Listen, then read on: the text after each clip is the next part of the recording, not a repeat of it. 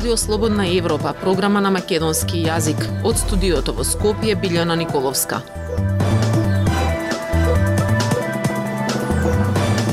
Почитувани, гостин во неделното интервју на Радио Слободна Европа е директорот на најголемиот затвор во земјава, Идризово, Зоран Јовановски.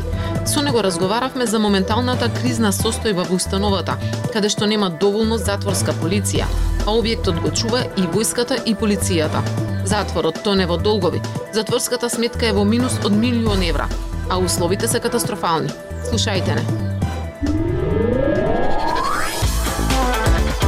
Независни вести и анализи за иднината на Македонија. На Радио Слободна Европа и слободнаевропа.мк.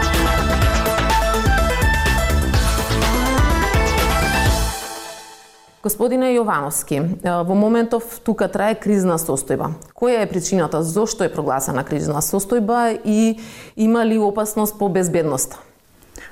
Да, кризната состојба е прогласена на 6.6 по барање на установата и едно од најголемите проблеми зашто е побарана оваа кризна состојба е бројот на затворски полицајци, односно бројот на извршители на обезбедување на затворот Идризово.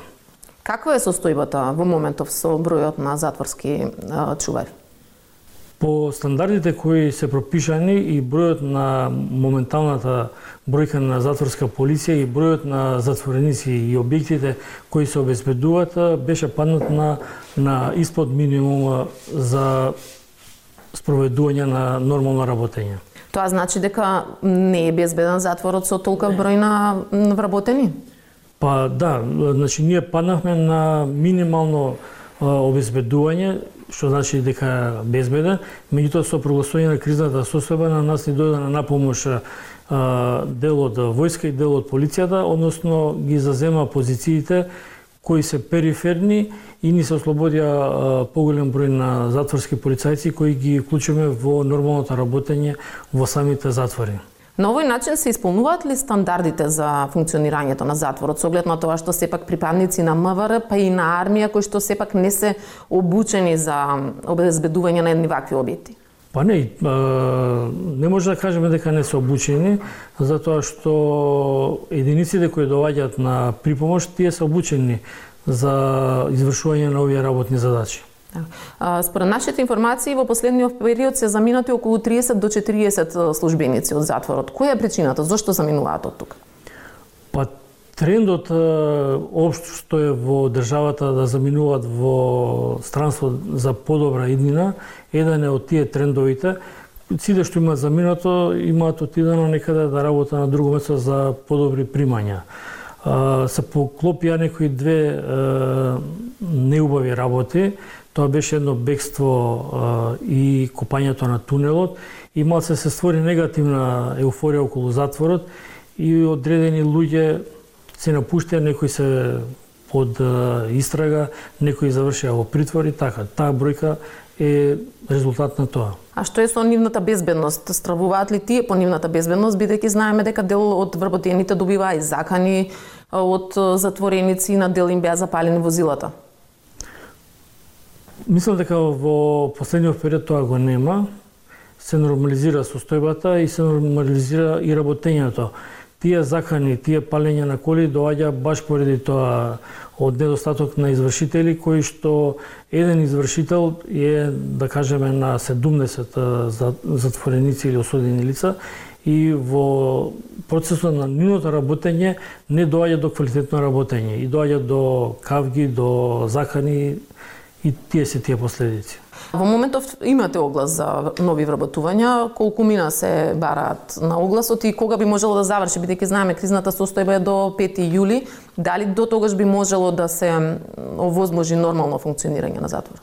Па да, меѓутоа оној конкурс што бил распишан пред да јас да дојдам, веќе во завршна фаза, значи си имаат пријавено кандидати, комисијата почна да прави селекција и кај да е ќе добиеме конечна листа за идните затворски полицајци, а добрата волја на владата за да се подобрат условите во затворот ни дозволи нови 100 вработувања, тоа се 80 со средно образование и 20 со високо образование.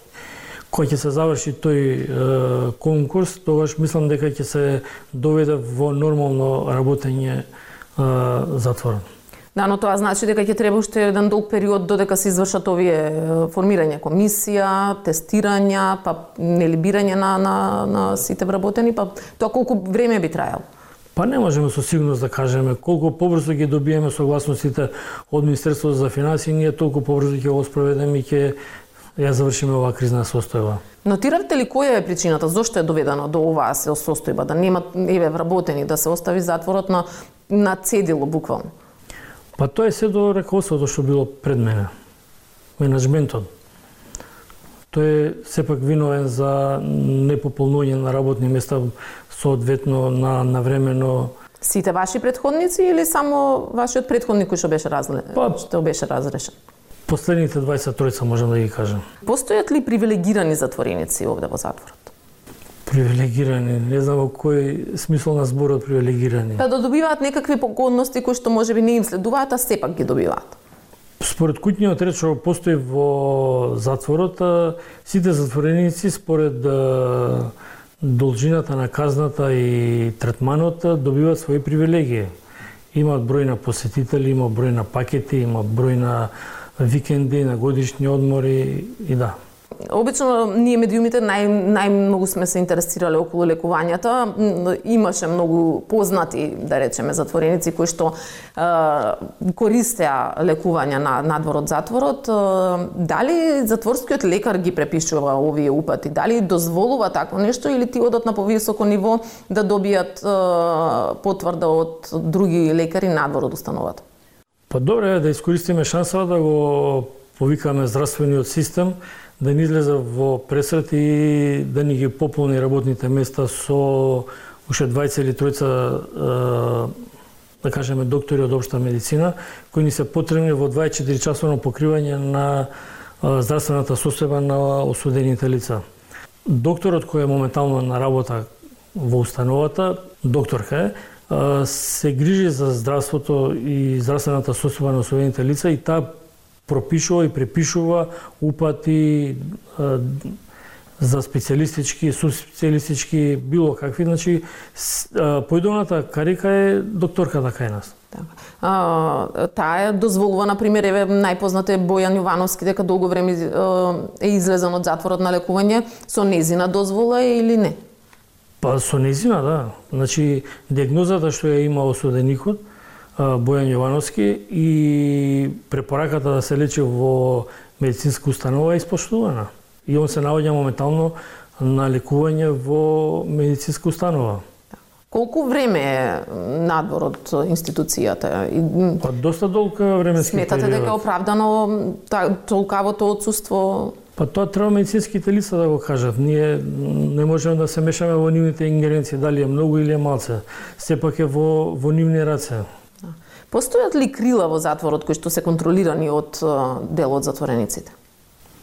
Крила постојат во затворот, меѓутоа да се контролирани од осудените лица? Не. Шестото крило, имаме, што се случува имаме, со тоа? Секој крило си има свој крилен старешина, кој е, да кажеме, еден од одговорните за редот, за дисциплината, за хигиената. Да. Што со шестото крило? Нашите информации беа дека таму се сместени војниците кои што да. војувале во странски војски, да. поточно од ИСИС. Да. Дали тие контролираат? Информациите беа дека се шири затворска инфекција во ширењето на оној радикален ислам, не исламот како... Па сега за сега не сме виделе дека има такво нешто енормно. Они се смесени, како што кажете, во тоа шесто крило и се како да кажам, добри наши е, гости. А постои ли затворска инфекција е, за да радикализираат и други затвореници? Да ги Да, како што кажав, до сега немаме приметено. Постојат ли затвореници кои што на пример би требало да се затворено одделение, а сепак се во отворените одделенија во надворешните објекти на на затворот сместени и зошто ако постојат? Па имало такви појави пред да дојдам, меѓутоа со моето доваѓање се анулирани тие проблеми. Колкав е буџетот за храна? Колку по затвореник се одвојува дневно за еден затвореник за храна? Па до сегашните мои пресметки беа околу 200 денари. Тоа е доволно за да еден човек има нормален оброк? Е, јас да не одговарам, нека одговори јавноста, дали е доволно. Односно, тие што го одредуваат буџетот, кој ќе го одредуваат, барем да не консултират и ние да бидеме дел во тоа креирање на буџетот. Споменавме дека често се информациите присутни дека се внесува дрога, дека се внесуваат телефони, дека тие тука чинат многу повеќе од она што е нели надвор. Какви се сега вашите информации и може ли да се спречи на некој начин ова?